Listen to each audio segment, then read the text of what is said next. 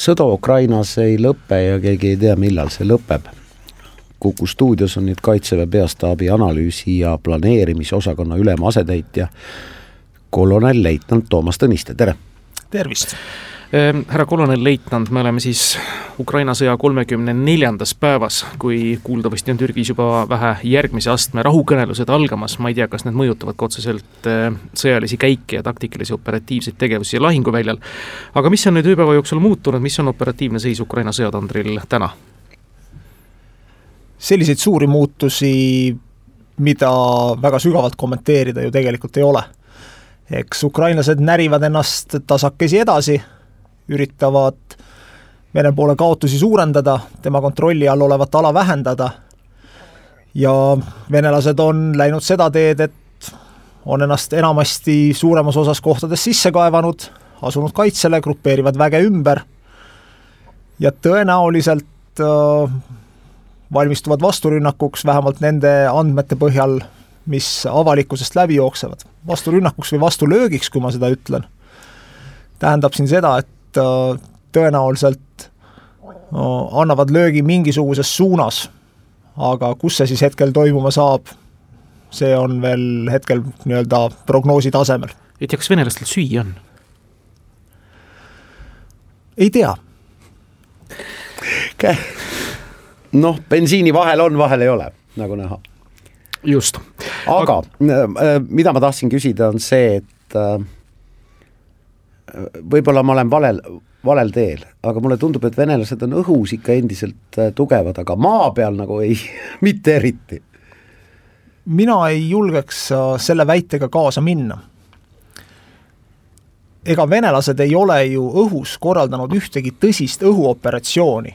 see, mis nagu NATO või lääneriikide mõistes oleks äh, combined air operation nende lennukite hulgad, mida nad õhus hoiavad, need, mis korraga sihtmärke ründavad ja nii edasi, on väikesed no,.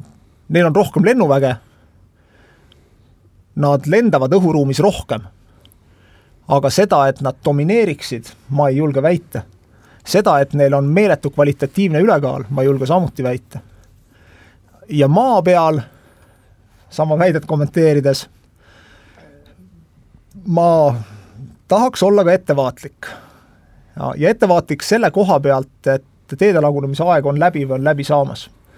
kui te vaatate ilmateadet, siis äh, Ida-Ukrainas on olnud juba õige selliseid soojad ilmad. eelolev nädal on ka ööd üle nulli. eks seal stepp kuivab, mis tähendab seda, et kui varem oli tegevus suunatud teedele siis nüüd on võimalik teedelt hakata maha sõitma, kolonntrasse looma, võib-olla see kinnijäämise faktor mudas ei ole enam nii kõrge. Lähemad kümme-kaksteist päeva võiks anda tegelikult selle indikatsiooni, kas Vene maaväe väljaõppe tase on tõesti nii madal, et nad ei suuda eelrivistustesse lahingrivistustesse hargneda, vaid suudavad ka ainult teedel sõita. või peaks tulema ikkagi see indikatsioon ära, kus me näeme, et et see soomustehnika sõidab ennast steppi laiali ja sõdib nii-öelda klassikalisel määrustikujärgsel kujul. jällegi, eks ole näha püüan meelde jätta koos Timoga, et kümnendal aprillil esitame selle küsimuse uuesti aga öelge, Toomas Tõniste, praegusel hetkel, kas see pilt, mis on siis nüüd avanenud, see on nüüd päris selge ja ära tõestatud, kuna Venemaa enda sõnul viib läbi spetsiaalset sõjalist operatsiooni, siis ta ongi sinna kaasanud peaasjalikult kas ajateenijaid või elukutselisi sõjaväelasi üldmobilisatsiooni ja ka osalist ei ole nad saanud selle raames ju läbi viia või kui teevad seda, siis väga varjatud kujul. ja seega siis võitlevadki väljadel kas no professionaalid, kes pole ammu kätt proovida saanud, või siis ajateenijad, kes ei tea üldse sõjapidamisest midagi ma oleksin äh, taas terminites taas ettevaatlik ja terminites täpne mm. -hmm. tõsi, üldmobilisatsiooni selle tähenduses ei ole kuulutatud. mobilisatsioon mingis osas ja varjatud osas võib olla toimunud. või vähemalt piirkondlikult mingites ringkondades võib olla toimunud. häid ja täpseid andmeid ei ole. kui me läheme nüüd nende väljaõppe juurde, siis professionaalid, kes pole kätt proovinud, noh, mina olen ka professionaal, kes pole juba ammu kätt proovinud, aga ma arvan, et ma olen päris hea kui sa oled professionaalne sõdur, siis sa harjutad sõjaks. Küsimus on laialt selles, kas need üksused on tegelikult sõjaks harjutanud või nad on tegelenud klassikalise Vene pakasuhaga ehk siis varastatud ja tühjaks nii-öelda imetud tingimustes eh, näidanud nii-öelda multifilme ja, ja selle raames siis näidanud, kui tugevad musklid neil on või? ma ütleksin niiviisi, et Talleyrand on öelnud selle kohta väga hästi Prantsuse riigimehena. Venemaa ei ole kunagi nii tugev, kui ta paistab. Venemaa ei ole kunagi nii nõrk, kui ta paistab. Brittide kaitseministeerium teatas eile hilisõhtul, et nende teatel saadab Venemaa Ida-Ukrainasse. Sellise erasõjafirma, mis kõlab nagu uskumatult, aga me teame, Wagner Group, kõrilõikajad, väga veriste kätega mehed on olnud Süürias, Aafrikas, kes on Wagner Group, mis tüübid need on? Wagner Grupp on tõepoolest äh, olemuselt eraturvafirma. aga see on selles mõttes huvitav, et kui te tegelikult vaatate Venemaa seaduseid siis äh, Venemaa seadused tegelikult ei luba Vene riigi kodanikel äh, teiste riikide relvakonfliktides sellisena osaleda. nii et seal on iseenesest palju peidetud vastuolusid. kas see on nagu võõrleegion või? ei, kindlasti mitte.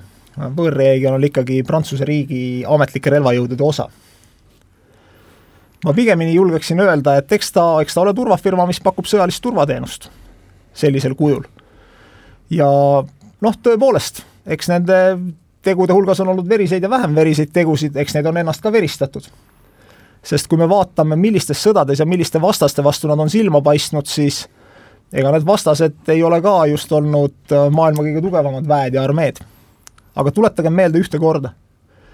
Süürias oli situatsioon, kus Wagner Grupi liikmed sattusid vastamisi Ameerika eriväelastega räägitakse, et olla olnud ka mõned telefonikõned äh, Washingtoni ja, ja Moskva vahel. ja kui Moskva kinnitas, et seal tema sõdureid ei ole, siis ameeriklaste vastus oli väga kohene ja Wagnerlased põlesid vaat nii, ja üldiselt on režiimile omane olnud ikkagi veriseid tegusid teha mõne kriminaalse grupeeringu kätega, on ta selleks olnud siis Tambovi maffia või kes, kes iganes. tulles nüüd Ukraina sõja juurde tagasi ja selle tandri juurde, millised on praegu ukrainlaste võimalused ja võimekus siis agressori peatamisel ja tema taganema sundimisel? laialt öeldes, ukrainlaste võimekusi teavad kõige paremad nii ukrainlased ise. see mitmeks päevaks on neil tegelikult sõjamoona kui suur on nende tankitõrjerakettide varu, kas neil jätkub laskemoona oma suurtükkidele, millised on nende kütusehulgad, mida nad prognoosivad vajalikuks ja millised neil olemas on, seda teavad nemad. ja ütlen otse, on väga hea, et me seda ei tea, sest siis ei tea seda tõenäoliselt ka nende vastane. teine asi, milles ukrainlased on väga head, nad on hingelt poksijad. ega nad ei näita välja, kui neil valus on ja kui neil veri jookseb tegelikult rahvuseid ei tohi omavahel võrrelda, ei eestlasi, grusiine ega ukrainlasi, aga aga noh, läbi lillede on viimasel ajal noh, nii mitmedki nagu teie laigulist mundrit kandvad inimesed öelnud, et ukrainlased ei ole grusiinid, et nad ei rebi särki. Nad ikka noh, panevad käe rusikasse see tõenäoliselt väljub jah, meie saate raamidest aruteluna, et kas rahvuslikud iseloomujooned on olemas aga kindlasti võib öelda seda, et ukrainlased on väga hästi toime tulnud. Nad on olnud väga distsiplineeritud jõud. Nad on nende vahenditega, mis neil on kasutada olnud, sõdinud ju väga hästi vahenditest rääkides, kas on nüüd ja sellest pole nüüd palju juttu olnud ju, ma loodan, et see ahel ikkagi kestab, see tarneahel, kas lääneriikide ja liitlaste sõjaline abi Ukrainasse on jätkuvas tempos nii-öelda kulgemas? me oleme siis nüüd kõik andnud, mis meil võimalik on anda, oma nii-öelda kaitsepositsioonilt, mul on vähemasti selline mulje jäänud. aga ma olen kuskil ka kuulnud, seda on oluliselt enam ka ühikutes, kui näiteks Saksamaa sedamaani on teinud aga kas lääneriikide, eeskätt siin USA poole loomulikult vaadatakse, nii-öelda abi on olnud ka seni ammendav mul on alati selle koha peal hea pugeda kindralite selja taha, antud juhul siis äh, endise kaitseväe juhataja kindral Terrase selja taha, ja öelda, et äh, kui sa oled kümme või kakskümmend aastat võtnud seda niinimetatud peace dividendi või rahudividendi välja, kui sa pole endale varusid loonud, kui sul pole ladudes midagi, no siis sul pole ka ladudest ju midagi väga anda. ärme nüüd äh, enda potentsiaalsetele vaenlastele ühtegi arvu ütle, aga te kinnitate, et meie ladudes on. et meie paneme vastu küll mingi aja. Eesti on tark riik mingisugused ja mõned eksperdid, küll välispoliitilisest aspektist, nad ei ole sõjaväelased, eh, prognoosivad ja ütlevad nii-öelda aktiivset sõjategevust kuni Ukraina võiduni noh, tänase päeva seisuga kümme-üksteist päeva. kas liitute sellega sõjaväelasena, kõrge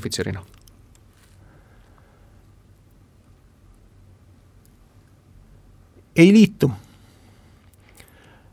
sest neid andmeid, mille põhjal seda prognoosi teha, minul ei ole. tuleb aru saada, et näita seesama asi, mida ma ütlesin, ukrainlased ei näita välja, kui valus neil on. ühel hetkel, kui neil on tegelikult ka valus, nad lihtsalt on sunnitud minema poliitilisele kokkuleppele. aga kui neil valus ei ole, siis nad võivad võidelda selle nimel, et vallutada kaotatud alad tagasi. Ja see võib võtta kuid ja nagu ma olen ka varem öelnud, võib vajadusel võtta aastaid. ühesõnaga teie kõrgema sõjaväelasena ei oska meie kuulajatele ega ka saatejuhtidele öelda, et kas sõjal on mingi mõistlik piir? Vene-Ukraina, Vene-Gruusia sõda kestis aktiivselt, kestis sada tundi. nüüd me oleme eh, noh, kolmekümne neljandas päevas Vene-Ukraina sõjas. me ei saa tõmmata piiri, et, et üks normaalne sõda kestab kaks kuud, kaks aastat või neli aastat. sõja lõpp on ikkagi sõja lõpptulemus olgu see siis kahe päevaga, kolme aastaga, saate aru mu küsimusest? ma saan aru sellest küsimusest. sõjal saab olla mitmesugune lõpp. sõjal võib olla militaarne lõpp. Üks pool ei ole võimeline enam vastupanu osutama. sõda saab militaarselt läbi. relvajõud ei ole vastupanuvõimelised, aga kui riik veel on olemas siis nii-öelda riik otsib rahu. see on üks võimalus sõja lõpuks. ja me oleme Ukraina sõjas mitte kolmekümne neljandas päevas, ma tuletan meelde. me oleme Venemaa sissetungi kolmekümne neljandas päevas. Ukraina sõda hakkas kaks tuhat neliteist aastal. et äh, kaks tuhat neliteist on kaheksa aastat tagasi. ehk siis see sõda võib sumbuda täpselt samamoodi ära, sest mõlemad pooled ammendavad lahinguvõime, aga nad ei jõua poliitilisele kokkuleppele. kaheksa aastat ollakse positsioonidel. Üks pool saavutab majandusliku võimu, et üles ehitada oma armee või mõlemad pooled ja nelja, kuue, kaheksa, minu pärast kaheteist aasta pärast tuleb uus nähvaks. seda ei saa välistada. selle küllaltki realistliku tundub ikkagi tõdemusega peame lõpetama, sest aeg saab otsa, aga küll vestleks veel ja ilmselt teemegi seda, aitäh teile tulemast täna stuudiosse, Kaitseväe Peastaabi analüüsi ja planeerimisosakonna ülema asetäitja, kolonelleitnant Toomas Tõniste. tänan kutsumast!